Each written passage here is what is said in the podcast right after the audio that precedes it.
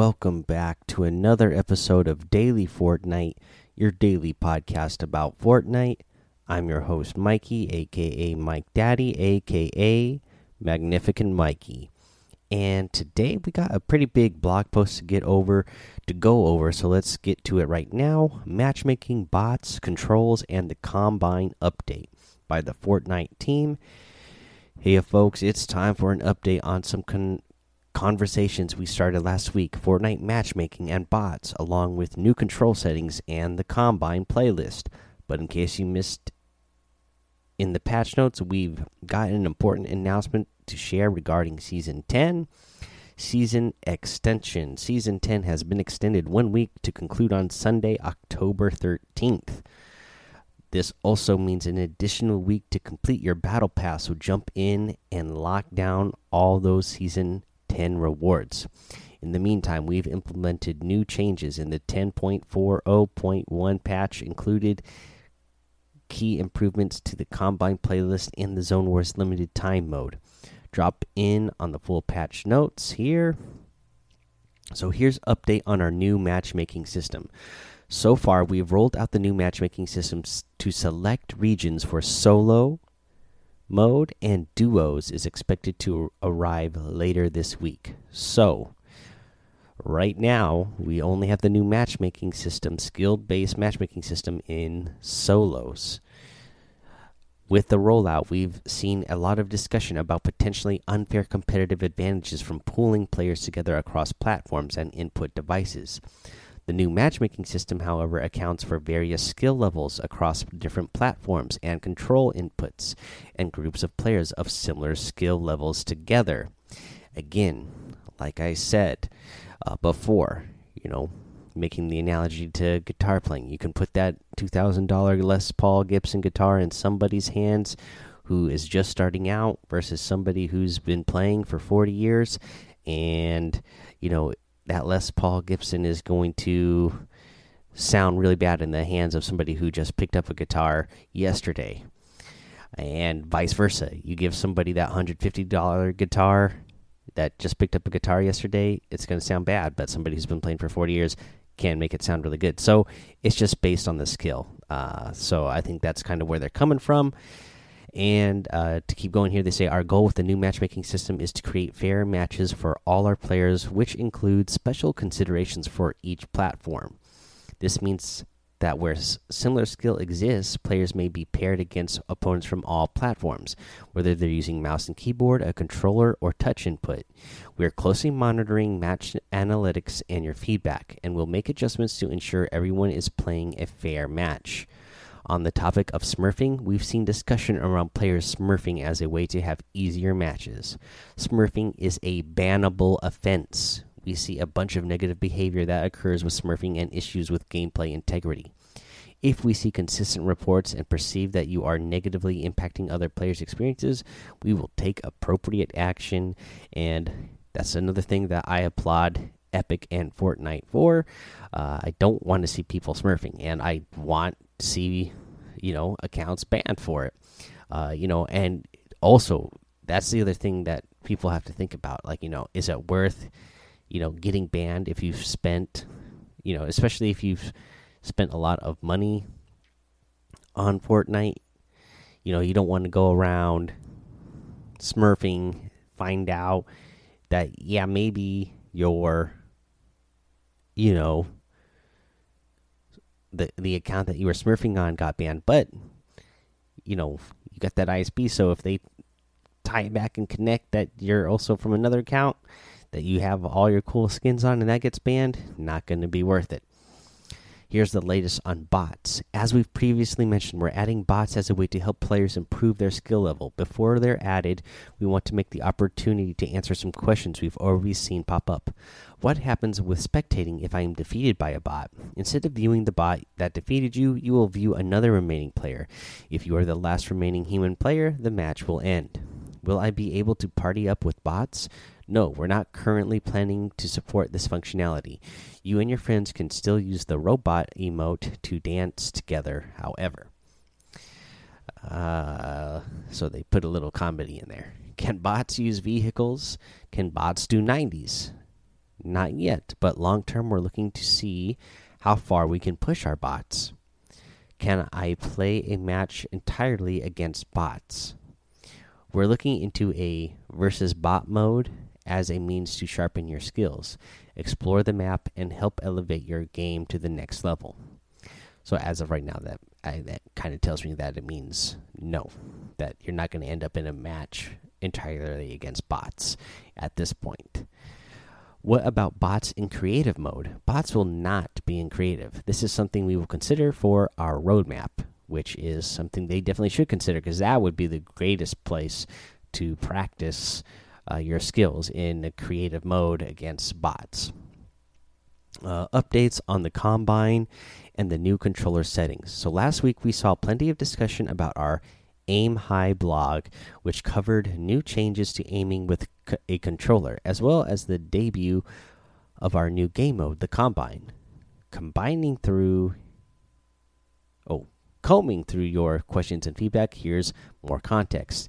Can I go back to legacy legacy sensitive sensitivity settings for my controller. You have the option to revert back to previous controller sensitivity settings, but we strongly encourage everyone to give the new settings a try. If controls feel off, you can try copying over your legacy settings. To do this, navigate to controller settings, turn on use advanced options, and scroll down to select copy legacy settings. If we make further adjustments or alter our plans, we will let you know. So there's a good tip there. If you know you are somebody who wants to use those legacy settings and you want to go back to the settings that you had before, do what they said here. You know, go to the controller settings, use advanced options, and then copy legacy settings. That way, you can have this the same settings that you had in your legacy settings in the new settings. That way, everything will kind of feel good to you, or at least at least your movement should feel good to you. You know, looking up and down, left and right, and all that.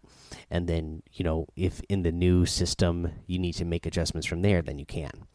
Is there any news on control adjustments for keyboard and mouse players? We know many of you are playing on keyboard and mouse, so we're also discussing opportunities to improve control settings for all of you. As an example, we are currently exploring an option that would allow keyboard and mouse players to adjust build and edit sensitivities. How long will Combine be available? While the Combine was initially intended to help players adjust to our new aiming controls, we've already seen some amazing run throughs and believe players will want to continue improving their skills and decreasing their time. As a result, we intend to keep the Combine as a core mode to the Fortnite Battle Royale for a foreseeable future. We'll be closely following for your following your feedback. Thanks for all the support. You know what I'm kind of bummed about? What I didn't see here. They said the combine they plan on adding it as a core mode. I don't see them mention anything about Zone Wars, and Zone Wars is what I want to be a core mode because that is what I want to play most. I mean, it was cool to be able to jump into Zone Wars matches before, but like I said, you had to go into creative, you had to, you know, find groups on Discord, or you had to try to get your friend, you know, you you would have to try to coordinate it yourself between your friends, and then even you know even when you did try to jump into discords that were that were, you know, or are, you know, specifically for zone wars, you know, matches. That way, people can find each other to play zone wars matches. It still wasn't that easy. It wasn't convenient. Uh, so I like the way they have the zone wars in there as an LTM. So I really hope that just becomes some sort of core mode as well in the future. Now, there's that. Uh, that's that's all the news I really got for you today. Is covering that little blog post. Uh, a lot of you know good information in there uh, for challenges. Obviously, like they said here, you know the season is going until Sunday, October thirteenth. So, you know this is your chance now to uh, you know, catch up, uh, get yourself to tier 100. If you haven't done so already, get all those challenges done. Uh, you know, earn experience points so that you can get your level up as well, your your season level. Now, tiering up I mean that that should be no problem because the way they did challenges this season, you know, so many of the challenges give you a tier and you can go up really fast. Like uh, for example, I think the other day I started grinding on my son's uh, Switch uh, on his Battle Pass challenges, and he I think he was down somewhere in the 50s, and you know just playing you know an hour a day before I go to work. An hour and a half, an hour to hour and a half a day before I go to work. The last three days, I already have them up to tier I think it was 89.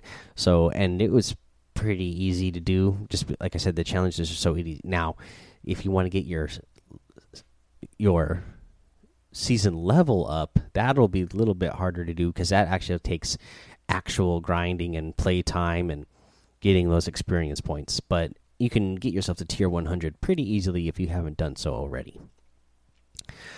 Uh, let's see here. Let's go ahead, take our break here. We'll come back and we'll go over the item shop. And I, I, think we talked enough about you know some good tips in here about you know bringing over those legacy settings and then changing it from there and uh, stuff. There wasn't there was enough good stuff in here in this little post that they put up that I'm not sure that will cover a specific tip of the day. There was there was some good stuff in this post, uh, but we'll definitely come back and go over that item shop.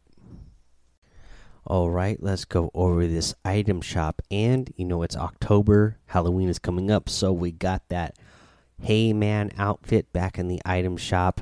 I gotta love that Hay Nest back bling that it comes with as well.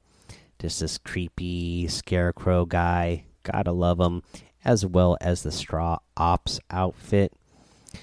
Uh, it comes with that cool bird hovel back bling as well. I like that one because it's got the, again like those creepy purple eyes looking out of that birdhouse on that back bling. Uh, we also have the uh, harvester harvesting tool, and I actually really like this one. You have the field wraith glider. Uh, we also have the infinity outfit in the item shop today. That's an awesome one. Uh, the star strike harvesting tool and the eternal zero wrap. You got that Zone Wars bundle still in the item shop, of course. You want to get that Danger Zone outfit, that Hot Zone outfit, and Star Crest Flex back bling all in one bundle, as well as some challenges to get some more selectable styles for those.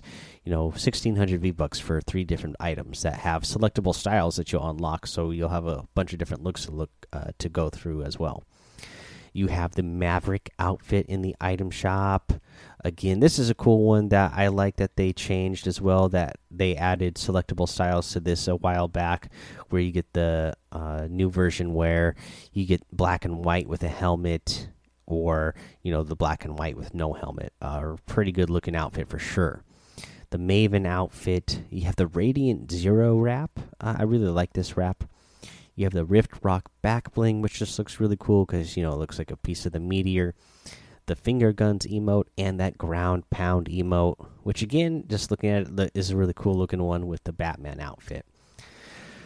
Now, if you guys are going to get any of these items in the item shop, I would really appreciate it if you use that creator code Mike Daddy M M M I K E D A D D Y in the item shop, as it does help support the show. Now, as I mentioned, you know, we already covered tips really in that little blog post. So I don't really have anything else for you other than, you know, get those challenges done, which we kind of mentioned in that blog post as well. You know, make sure that you get your money's worth, you know, that you spent on that on that battle pass.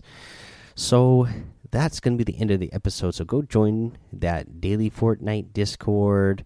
Uh, follow me over on Twitch and YouTube. Head over to Apple Podcasts, leave a five star rating and a written review for a shout out on the show. Subscribe so you don't miss an episode.